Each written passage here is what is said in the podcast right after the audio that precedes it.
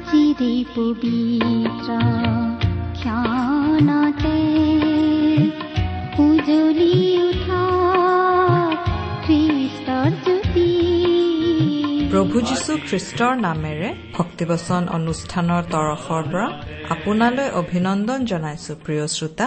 প্ৰভু যীশু মোৰ পৰিত্ৰাতা জীৱনদাতা। জীৱন পথতো তেওঁৱেই সখা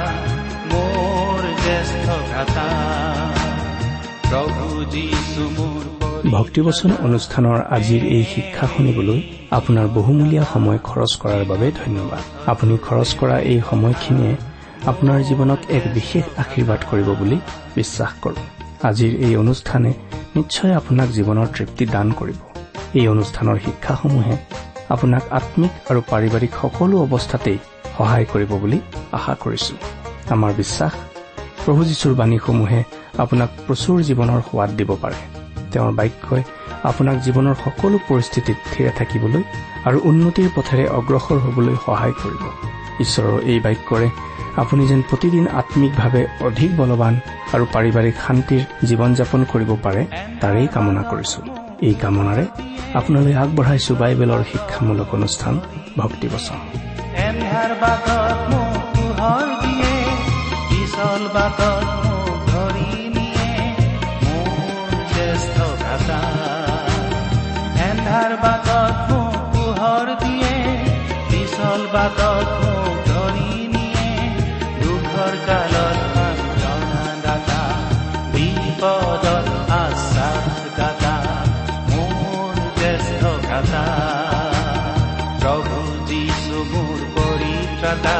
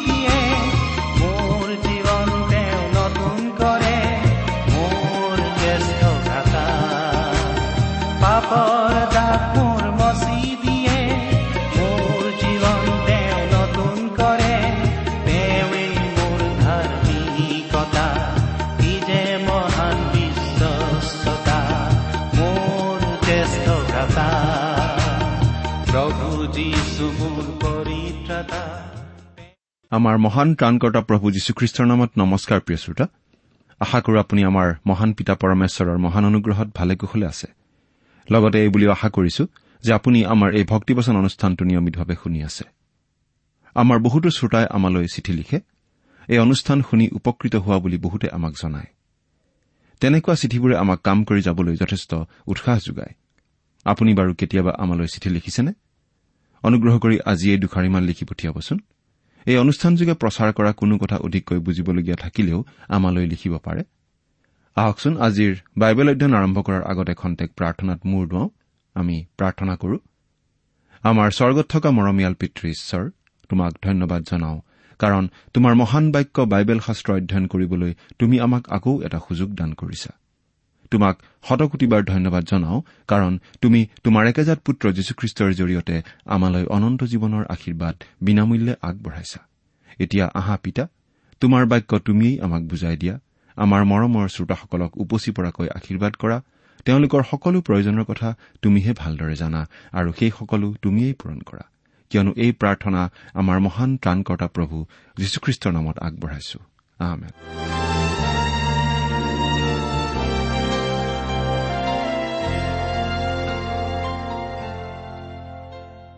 প্ৰিয় শ্ৰোতা আমি ইতিমধ্যে বাইবেলৰ নতুন নিয়ম খণ্ডৰ ফিলিপিয়াবিলাকৰ প্ৰতি পত্ৰ নামৰ পুস্তকখনৰ দুই নম্বৰ অধ্যায়ৰ অধ্যয়ন কৰি সামৰণি মাৰিলো। আৰু এই দুই নম্বৰ অধ্যায়ৰ সামৰণিৰ ফালে আমি দেখিলো খ্ৰীষ্টীয় জীৱনৰ আৰ্হি কি। তাৰ আগতে আমি পাই আহিলো খ্ৰীষ্টীয় জীৱনৰ দৰ্শন কি সেই কথা। খ্ৰীষ্টীয় জীৱনৰ দৰ্শন কি সেইটো আমি পাইছিলো এই ফিলিপিয়া পত্ৰখনৰ এক নম্বৰ অধ্যায়ৰ একৈশ নম্বৰ পদত এনেদৰে কিয়নো মোৰ পক্ষে জীয়াই থকাই হৈছে খ্ৰীষ্ট মৰাই হৈছে লাভ। এয়াই হৈছে খ্ৰীষ্টীয় জীৱনৰ দৰ্শন। ফিলিপিয়া দুই অধ্যায় পাঁচ নম্বৰ পদত আমি এনেদৰে পাইছিলো খ্ৰীষ্ট যীশুত যি ভাৱ সেয়ে তোমালোকতো হওক। এয়া হৈছে খ্ৰীষ্টীয় জীৱনৰ আৰ্হি। এতিয়া আমি তিনি নম্বৰ অধ্যায়ত পাম খ্ৰীষ্টীয় জীৱনৰ পুৰস্কাৰৰ বিষয়ে। এই বিষয়টো আমি পাচনি পৌলৰ ব্যক্তিগত সাক্ষ্যৰ মাজত সুন্দৰভাৱে প্ৰকাশ পোৱা দেখিবলৈ পাওঁ। তেওঁ এনেদৰে কৈছে ফিলিপিয়া তিনি নম্বৰ অধ্যায়ৰ চৈধ্য নম্বৰ পদত আগত থকাবোৰলৈ যত্ন কৰি খ্ৰীষ্ট যীশুত ঈশ্বৰে কৰা স্বৰ্গীয় আমন্ত্ৰণৰ বঁটাৰ অৰ্থে ঘাই লৈ লৰি গৈ আছো। আজি আমি এই ফিলিপিয়া পত্ৰৰ তিনি নম্বৰ অধ্যায়ত দেখিবলৈ পাম পাচনি পৌলে তেওঁৰ অতীত জীৱনৰ হিচাপ নিকাচৰ ধৰণটো সলনি কৰিছে। তেওঁ বৰ্তমান জীৱনৰ লক্ষ্য আৰু উদ্দেশ্য সলনি কৰিছে আৰু তেওঁ ভৱিষ্যত জীৱনৰ বাবে আশা সলনি কৰিছে। পাচনি পৌলে বিশ্বাস কৰিছিল যে ঈশ্বৰে এই পৃথিৱীত এদিন ৰাজ্য স্থাপন কৰিব। এই মতত তেওঁৰ দৃঢ় বিশ্বাস আছিল। কিন্তু তেওঁ সেই অপূৰ্ব দিনটোৰ প্ৰতি সদায় হাবিয়াসে কৰিছিল। যিটো দিনত প্ৰভু যীশু পুনৰ এই পৃথিৱীলৈ আহি তেওঁৰ নিজৰ লোকসকলক পৃথিৱীৰ পৰা উত্তোলিত কৰি লৈ যাব। আমি এতিয়া পাঠ কৰি দিব খুজিছো। ফিলিপিয়া তিনি নম্বৰ অধ্যায়ৰ এক নম্বৰ পদটো প্ৰথমতে পাঠ কৰিম। আপোনাৰ লগত যদি বাইবেল আছে চাই যাব। নহলে মন দি শুনিব। পাঠ কৰি দিছো। শেষতে হে মোৰ ভাইবিলাক প্ৰভূত আনন্দ কৰা। তোমালোকলৈ একে কথাকে লিখিবলৈ মোৰ পৰিশ্ৰম বোধ নহয় কিন্তু তোমালোকৰ প্ৰতি নিশ্চয়জনক। শেষতে অৰ্থাৎ পৌলে এতিয়া কথাবোৰৰ সামৰণি মাৰিব খুজিছে। তেওঁ হয়তো ফিলিপিয়া লোকসকলক কেৱল ধন্যবাদ দিবলৈ পত্ৰখন লিখিব খুজিছিল কিন্তু ঈশ্বৰৰ আত্মাৰ উদগনিত তেওঁ অলপ দীঘলকৈয়ে চিঠিখন লিখিলে। পাচনি পৌলৰ শেষ বাৰ্তাটো হৈছে প্ৰভূত আনন্দ কৰা। আমি ভাবো আজি যদি পৌল আহে আমাৰ মাজলৈ আজিও তেওঁৰ শেষ বাৰ্তাটো হ'ব প্ৰভূত আনন্দ কৰা। তেওঁ দেখুৱাইছে তিনিজন মানুহৰ কথা। তেওঁ নিজে ইপাফ্ৰদিত আৰু তিমঠিয় তেওঁলোকে বন্দী অৱস্থা আৰু ৰোগী অৱস্থাতো প্ৰভূত আনন্দ কৰিব পাৰিছিল। এই কথাখিনি পাচনি পৌলে কোনো বোজাৰ ভাৱ নোহোৱাকৈ লিখিব পাৰিছিল কাৰণ ফিলিপিয়া বিশ্বাসীসকলৰ আম্মিক অৱস্থা ভাল আছিল। গালাটীয়া নাইবা কৰিন্থিয়া মণ্ডলীৰ নিচিনা নাছিল। প্ৰিয় শ্ৰোতা আমি যদি আম্মিক জীৱনত দুৰ্বল হৈ থাকো তেতিয়া প্ৰভূত প্ৰকৃত আনন্দ উপভোগ কৰিবলৈ টান পোৱা হওঁ। কিন্তু প্ৰভু যীশুৰ সৈতে মধুৰ সম্বন্ধ বজাই ৰখা প্ৰতিজন খ্ৰীষ্টীয় বিশ্বাসীয়ে যিকোনো পৰিৱেশ যিকোনো পৰিস্থিতিতেই আনন্দৰ ভাৱ বজাই ৰাখিব পাৰে। দুই নম্বৰ পদ। সেই কুকুৰহঁতলৈ সাৱধানে চাবা। সেই দুষ্কৰ্মকাৰীবিলাকলৈ সাৱধানে চাবা। আৰু ছিন্ন হোৱাবিলাকলৈকো সাৱধানে চাবা। কুকুৰৰ পৰা সাৱধান মানে বাৰু কি? ইয়াত কুকুৰ মানে জন্তুক বুজোৱা হোৱা নাই। ভাৰী কোৱা ভুৱা ভাওবাদীৰ বিষয়ে যিচয়া ভাওবাদীয়ে কৈছিল তাৰ প্ৰহৰীবোৰ অন্ধ। সিহঁত আটাইবোৰ জ্ঞানশূন্য। সিহঁত আটাইবোৰ ভতুৱা কুকুৰৰ নিচিনা। ভুকিব নোৱাৰে। সিহঁতে সপোন দেখি থাকে শুইয়ে থাকে আৰু টোপনি প্ৰিয়। যিচয়া ছাপন্ন নম্বৰ অধ্যায়ৰ দহ নম্বৰ পদ। খ্ৰীষ্টীয় মণ্ডলীতো এনেকুৱা ভতুৱা কুকুৰৰ পয়োভৰ আছে। এইবোৰৰ পৰা লাভতকৈ লোকচান বেছি। এনেকুৱা লোকত ভৰসা কৰি বিপদ হয়। সেইবাবেই পাচনি পৌলে এনেকুৱা ভুৱা ভাৱবাদীৰ পৰা সাৱধানে থাকিবলৈ কৈছে। এনে লোকসকলে ভুৱা সান্তনা দিয়ে। ঈশ্বৰৰ বাক্য শুনাই আমাক সাৱধান কৰি নিদিয়ে। দুষ্কৰ্মীবোৰৰ পৰাও সাৱধানে থাকিবলৈ কৈছে। চিহ্ন হোৱা মানে চুন্নত হোৱাবিলাকৰ কথা কোৱা হৈছে। এতিয়া আৰু চুন্নত হোৱা বিধান পালন কৰাজন প্ৰকৃত চুন্নত হোৱা লোক নহয়। কিন্তু বহুতো লোকে খ্ৰীষ্টক গ্ৰহণ কৰাৰ পাছতো এই বিধি বিধানবোৰ পালন কৰাটো বাধ্যতামূলক বুলি ভাবিছিল। এই লোকসকলে মানুহক বিভ্ৰান্ত কৰিছিল। এনেকুৱা লোকৰ পৰা সাৱধানে থাকিবলৈ কোৱা হৈছে। আমি বিধান পালনৰ যোগেদি নহয় একমাত্ৰ প্ৰভু যীশুত বিশ্বাস কৰাৰ দ্বাৰাহে পৰিত্ৰাণ পাওঁ। নম্বৰ পদ কিয়নো আমিহে চুন্নত হোৱা লোক। আমি ঈশ্বৰৰ আত্মাৰে আৰাধনা কৰো আৰু খ্ৰীষ্ট যীশুত শ্লাঘা কৰো আৰু মাংসত একো ভাৰসা নকৰো। আচলতে প্ৰভু যীশুত বিশ্বাস কৰা প্ৰতিজন লোকেই চুন্নত হোৱা লোক মাংসত নহয় আত্মাত। গতিকে আকৌ চুন্নত হোৱাৰ প্ৰয়োজন নাই। বিধানে আমাক উদ্ধাৰ নকৰে। প্ৰভু যীশুত বিশ্বাস কৰিহে বিনা বিধানে বিনা কৰ্মেৰে আমি পৰিত্ৰাণ লাভ কৰো। মাংসত ভৰসা নকৰিবা বুলি পাচনি পৌলে কৈছে। আমাৰ মাংস অৰ্থাৎ পুৰণি প্ৰকৃতিত আমি ভৰসা কৰিব নালাগে। আমি কেৱল যীচুতহে ভৰসা কৰিব লাগে। আমি পৰিত্ৰাণৰ বাবে আমাত অৰ্থাৎ নিজত ভৰসা কৰিব নোৱাৰো। ঠিক একেদৰে আমি নিজৰ প্ৰচেষ্টাৰে খ্ৰীষ্টিয়ান হিচাপে জীৱন যাপনো কৰিব নোৱাৰো। একমাত্ৰ আমাত বাস কৰা প্ৰভু যীশুখ্ৰীষ্টৰ যোগেদিহে আমি খ্ৰীষ্টিয়ান জীৱন যাপন কৰিব পাৰো।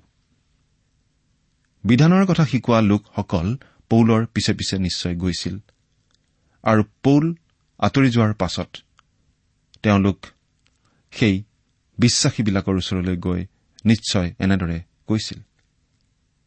পৌলে তোমালোকক শিকাইছে যে তোমালোকে মাংসত ভৰসা নকৰিবা। কোনো ধৰণৰ ৰীতি নীতি বা বিধি বিধানত ভৰসা নকৰিবা।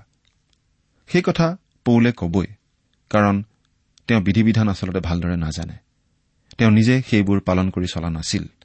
গতিকে এতিয়াও সেইবোৰ পালন কৰি চলিব নোৱাৰে। গতিকে তোমালোকেনো সেইবোৰ পালন কৰি চলাৰ কি প্ৰয়োজন আছে? সেইবুলি তেওঁ কৈছে। এতিয়া পাচনি পৌলে তাৰ উত্তৰ দিব। চাৰি নম্বৰ পদটো পঢ়ি দিছো।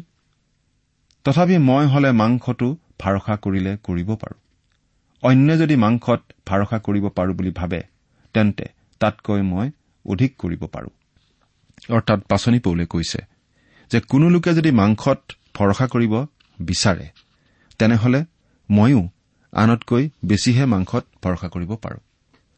মই বিধি বিধান পালন কৰাৰ ক্ষেত্ৰত আন কোনো লোকতকৈ কম নাছিলো।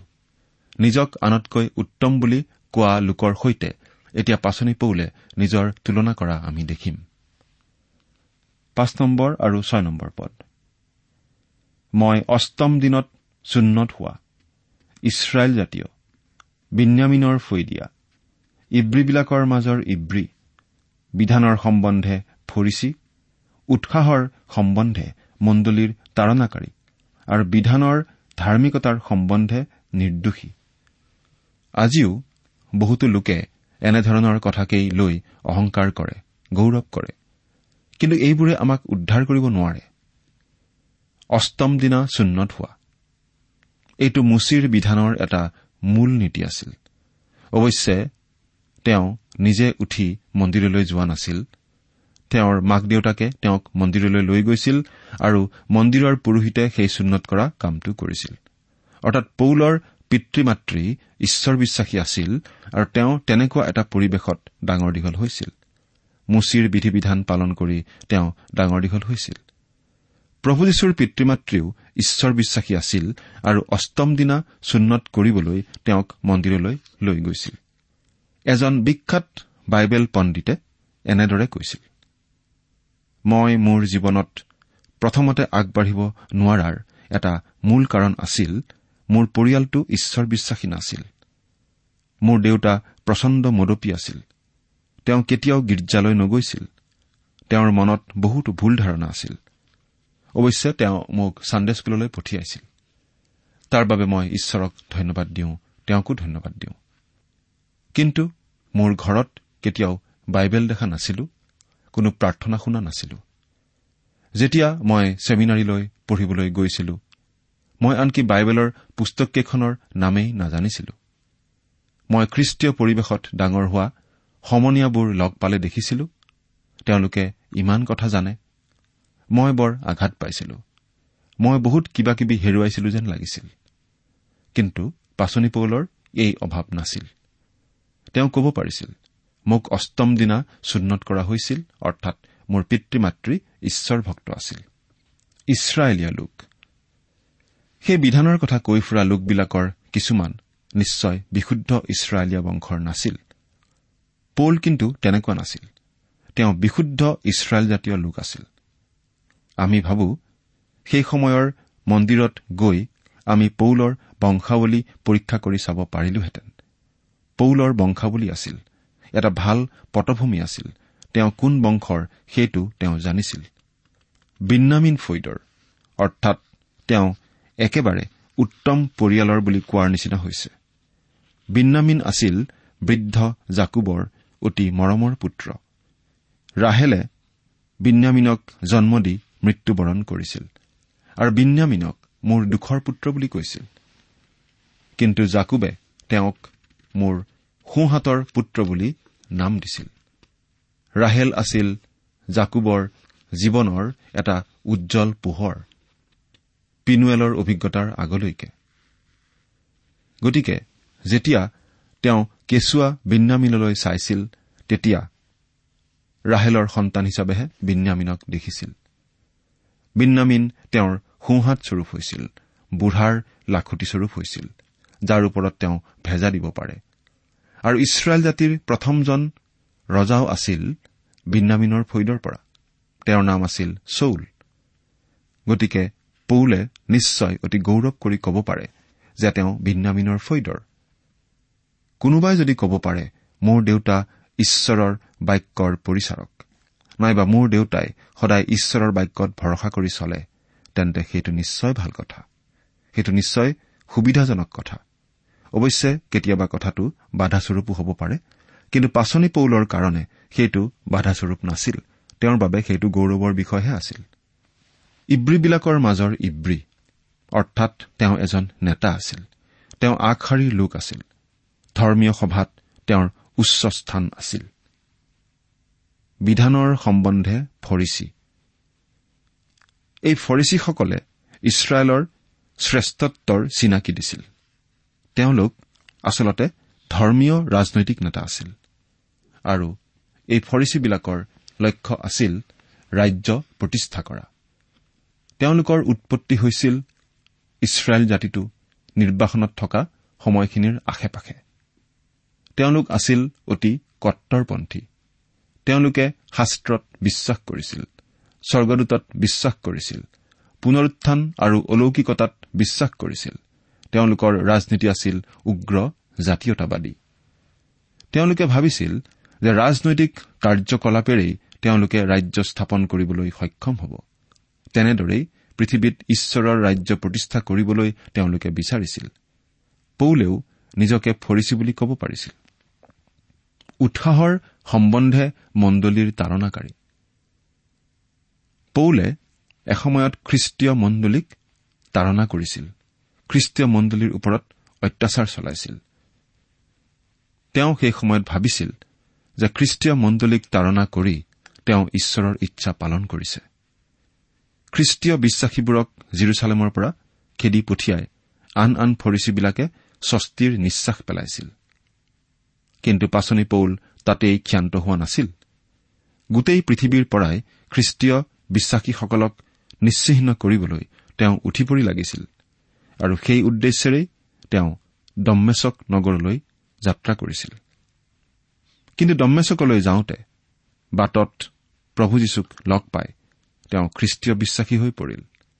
অৰ্থাৎ পৌলে এইটো বুজাব খুজিছে যে ধৰ্মীয় উৎসাহৰ ক্ষেত্ৰত তেওঁ আনতকৈ কম নহয় বৰং বেছিহে।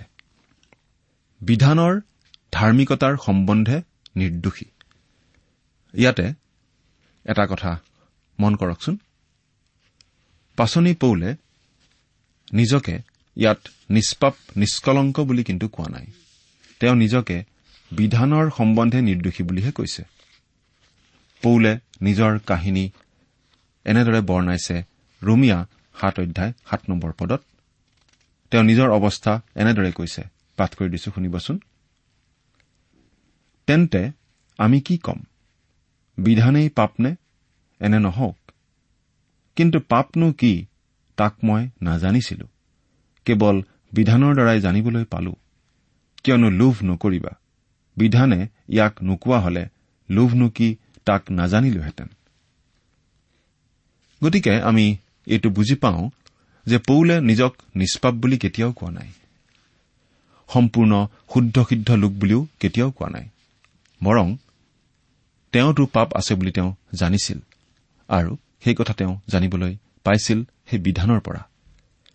কিন্তু তেওঁ বিধানৰ দিশৰ পৰা নিৰ্দোষী আছিল বুলিহে ইয়াত কৈছে। আপুনি যদি তুমি চুৰ নকৰিবা বোলা বিধানটো লংঘন কৰে তেন্তে সেই ঠাইত আপুনি নিশ্চয় কিবা প্ৰমাণ এৰি থৈ আহিব নাইবা চুৰ কৰা ঠাইত নিশ্চয় আপোনাৰ ফিংগাৰ প্ৰিণ্ট থাকি আহিব। নৰবধ কৰাৰ ক্ষেত্ৰতো আমি একে কথাই ক'ব পাৰো। কিবা নহয় কিবা এটা প্ৰমাণ আপোনাৰ বিৰুদ্ধে থাকি আহিব। আন কোনোৱে নজনাকৈ ব্যভিচাৰ কৰাটো অসম্ভৱ। কাৰণ যাৰ লগত ব্যভিচাৰ কৰে কথাটো অন্ততঃ তেওঁতো জানিব। কিন্তু আপুনি লোভ কৰিব পাৰে কিন্তু কোনেও নাজানিব পাৰে। গতিকে আনে দেখাত একো দোষ নকৰিলেও আমি মনেৰে আমি আমাৰ অন্তৰেৰে পাপ কৰিব পাৰোঁ। সমাজে দেখাত পাচনি পৌল বিধানৰ ফালৰ পৰা নিৰ্দোষী আছিল। সেই কথাটোহে তেওঁ ইয়াত কৈছে। কিন্তু তেওঁ নিজকে সম্পূৰ্ণ নিষ্পাপ বুলি ইয়াত দাবী কৰা নাই। বৰং নিজকে পাপী বুলি কোৱাহে আমি পাই আহিছো। তেওঁ নিজে লিখা ৰমিয়া পত্ৰত। বিধানৰ সম্বন্ধে নিৰ্দোষী। বিধানৰ সম্বন্ধে নিৰ্দোষী মানে আচলতে কি অৰ্থ প্ৰকাশ পাইছে বাৰু? মুচিৰ বিধান অনুসাৰে পাচনি পৌলে পাপৰ প্ৰায়চিত্ৰৰ কাৰণেও উচিত বলি মন্দিৰত নিশ্চয় আগবঢ়াই আহিছিল। মুচিৰ বিধানত পাপৰ প্ৰায়চিত্ৰৰ এনেকুৱা ব্যৱস্থা দিয়া আছিল। মানুহে নিজৰ পাপৰ প্ৰায়চিত্ৰৰ কাৰণে মন্দিৰলৈ বলি আনিব লাগিছিল আৰু সেই বিধি বিধান মানি বলি আগবঢ়াব লাগিছিল আৰু তেনেদৰেই মানুহৰ পাপৰ প্ৰায়চিত্ৰ কৰা হৈছিল। পাচনি পৌলেও নিজৰ পাপৰ প্ৰায়চিত্ৰৰ কাৰণে তেনেদৰে মন্দিৰত বলি আগবঢ়াই আহিছিল বুলি আমি বুজি পাওঁ। পাচনি পৌল আছিল অতি নিষ্ঠাবান ব্যক্তি। ধৰ্মৰ ফালৰ পৰা বিধি বিধান পালনৰ ফালৰ পৰা অতি নিষ্ঠাবান লোক। তেওঁ যিমানখিনি বিধি বিধান জানিছিল সেই বিধি বিধান মতেই সকলো কাম কৰি যাবলৈ চেষ্টা চলাই আহিছিল। বিধানৰ দৃষ্টিত পাচনি পৌল সাধু আছিল কাৰণ বিধানমতেই তেওঁ বিভিন্ন ৰীতি নীতি আদি পালন কৰি আহিছিল। আৰু সেইবাবেই পাচনি পৌলে অতি দৃঢ়তাৰে ক'ব পাৰিছিল কোনো মানুহে যদি মাংসত ভৰসা ৰাখিব পাৰে মই অধিক ভৰসা ৰাখিব পাৰো। তেওঁ সেই বিৰোধী লোকবিলাকৰ কথাৰ প্ৰত্যুত্তৰ হিচাপে আচলতে নিজৰ বিষয়ে এইখিনি কথা কৈছে। তেওঁ কৈছিল যে কোনোবাই যদি নিজক লৈ অহংকাৰ কৰিব পাৰে নিজকে উত্তম বুলি দেখুৱাব পাৰে তেন্তে আচলতে ময়ো পাৰো। ময়ো মাংসত ভৰসা কৰিব পাৰো। ময়ো অহংকাৰ কৰিব পাৰো কাৰণ মই কোনো গুণে কম নহয়। যিসকল লোকে মোৰ বিৰুদ্ধে কথা কৈছে তেওঁলোকতকৈ মই কোনো গুণে কম নহয়। মই অষ্টম দিনত চূন্নত হোৱা লোক। মই ইছৰাইল জাতীয় লোক। মই ইছৰাইলৰ এটা লেখত ল'বলগীয়া ফৈদ বিন্যামিনৰ ফৈদৰ লোক। মই ইব্ৰীবিলাকৰ মাজৰ ইব্ৰী। মই বিধানৰ সম্বন্ধে ফৰিচি। আগৰণুৱা লোক। উৎসাহৰ ফালৰ পৰা মই মণ্ডলীৰ তাৰণাকাৰী। অৰ্থাৎ মই নিজৰ বিশ্বাসৰ কাৰণে নিজৰ ধৰ্মৰ কাৰণে সকলোখিনি কৰিবলৈ আগৰণুৱা লোক। আৰু বিধানৰ ফালৰ পৰা যদি বিচাৰ কৰা যায় তেন্তে মই বিধানৰ ধাৰ্মিকতাৰ সম্বন্ধেও নিৰ্দোষী। অৰ্থাৎ বিধানৰ ফালৰ পৰা মোৰ কাৰ্যকলাপত ৰীতি নীতি পালনত কোনো দোষ আঙুলিয়াব কোনেও নোৱাৰে। সেইকাৰণে পাচনি পৌলে অতি দৃঢ়তাৰে ক'ব পাৰিছিল কোনো মানুহে যদি মাংসত ভৰসা ৰাখিব পাৰে তেন্তে মই অধিক ভৰসা ৰাখিব পাৰো। কাৰণ মই কোনো মানুহতকৈ কম নহয় সেইফালৰ পৰা। কিন্তু পাচনি পৌলৰ জমা খৰচৰ হিচাপখনত এইবোৰ আচলতে জমাৰ ঘৰত আছিল। জমাৰ ঘৰত ইমান আছিল যে তেওঁ ইমান দিনে ভাবি আহিছিল যে এই জমাবোৰৰ ভিত্তিত তেওঁৰ ওপৰত ঈশ্বৰ সন্তুষ্ট হ'ব বা তেওঁ ভাবি আহিছিল যে তেওঁৰ ওপৰত ঈশ্বৰ সন্তুষ্ট হৈ আছিল। তেওঁ ভাবি আহিছিল তেওঁ ঠিকেই আছে বুলি। এই সকলোবোৰ বিষয় তেওঁৰ বাবে লাভজনক বুলি তেওঁ ইমান দিনে ভাবি আহিছিল আৰু তেওঁ আত্মসন্তুষ্টি লভি আহিছিল। পাচনি পৌলৰ খৰচৰ ঘৰত আছিল এজন ব্যক্তি এজন মানুহ যিজন ব্যক্তিক তেওঁ ঘীন কৰিছিল। সেই ব্যক্তিজন বাৰু কোন? সেই ব্যক্তিজন আছিল প্ৰভু যীশুখ্ৰীষ্ট। প্ৰভু যীশুখ্ৰীষ্টক কৰা সেই ঘৃণাৰ ফলস্বৰূপে তেওঁ যীশুখ্ৰীষ্টৰ বিশ্বাসীসকলক যীশুখ্ৰীষ্টৰ অনুগামীসকলক পৃথিৱীৰ পৰাই নিশ্চিন্ন কৰিবলৈ চেষ্টা কৰিছিল। কিন্তু এদিন দম্মেচকলৈ যোৱা বাটত সেইজনা প্ৰভু যীশুৰ সৈতে পাচনি পৌল মুখামুখি হ'ল।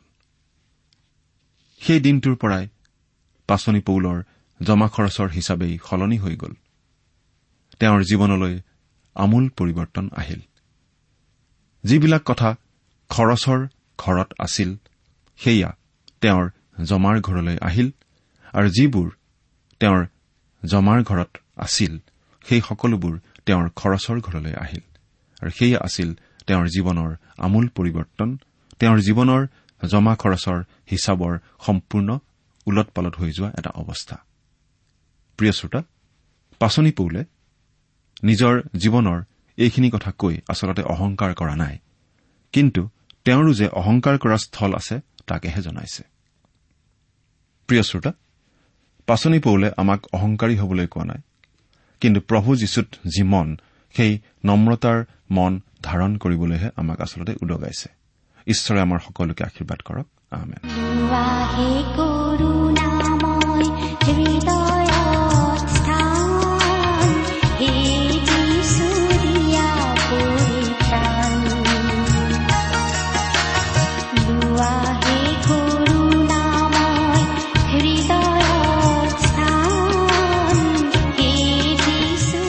ইমান পৰে আপুনি ঈশ্বৰৰ বাক্যৰ পৰা শিক্ষা শুনিলে। এই বিষয়ে আপোনাৰ মতামত জানিবলৈ পালে আমি নথৈ আনন্দিত হ'ম। আমি প্ৰস্তুত কৰা বাইবেল অধ্যয়নৰ চিডিসমূহ পাব বিচাৰিলে আৰু অনুষ্ঠানত প্ৰচাৰ কৰা কোনো কথা বুজিব লগা থাকিলেও আমালৈ লিখক আমাৰ যোগাযোগৰ ঠিকনা ভক্তিবচন ট্ৰান্সৱৰ্ল্ড ৰেডিঅ' ইণ্ডিয়া ডাক বাকচ নম্বৰ সাত শূন্য গুৱাহাটী সাত আঠ এক শূন্য শূন্য এক। ঠিকনাটো আকৌ এবাৰ কৈছো ভক্তিবচন ট্ৰান্সৱৰ্ল্ড ৰেডিঅ' ইণ্ডিয়া ডাক বাকচ নম্বৰ সাত শূন্য গুৱাহাটী সাত আঠ এক শূন্য শূন্য এক। আমাৰ ইমেইল এড্ৰেছটো হৈছে Assamese T TV at the rate radio' eight eight two dot com আমাৰ website W W W dot T W R dot in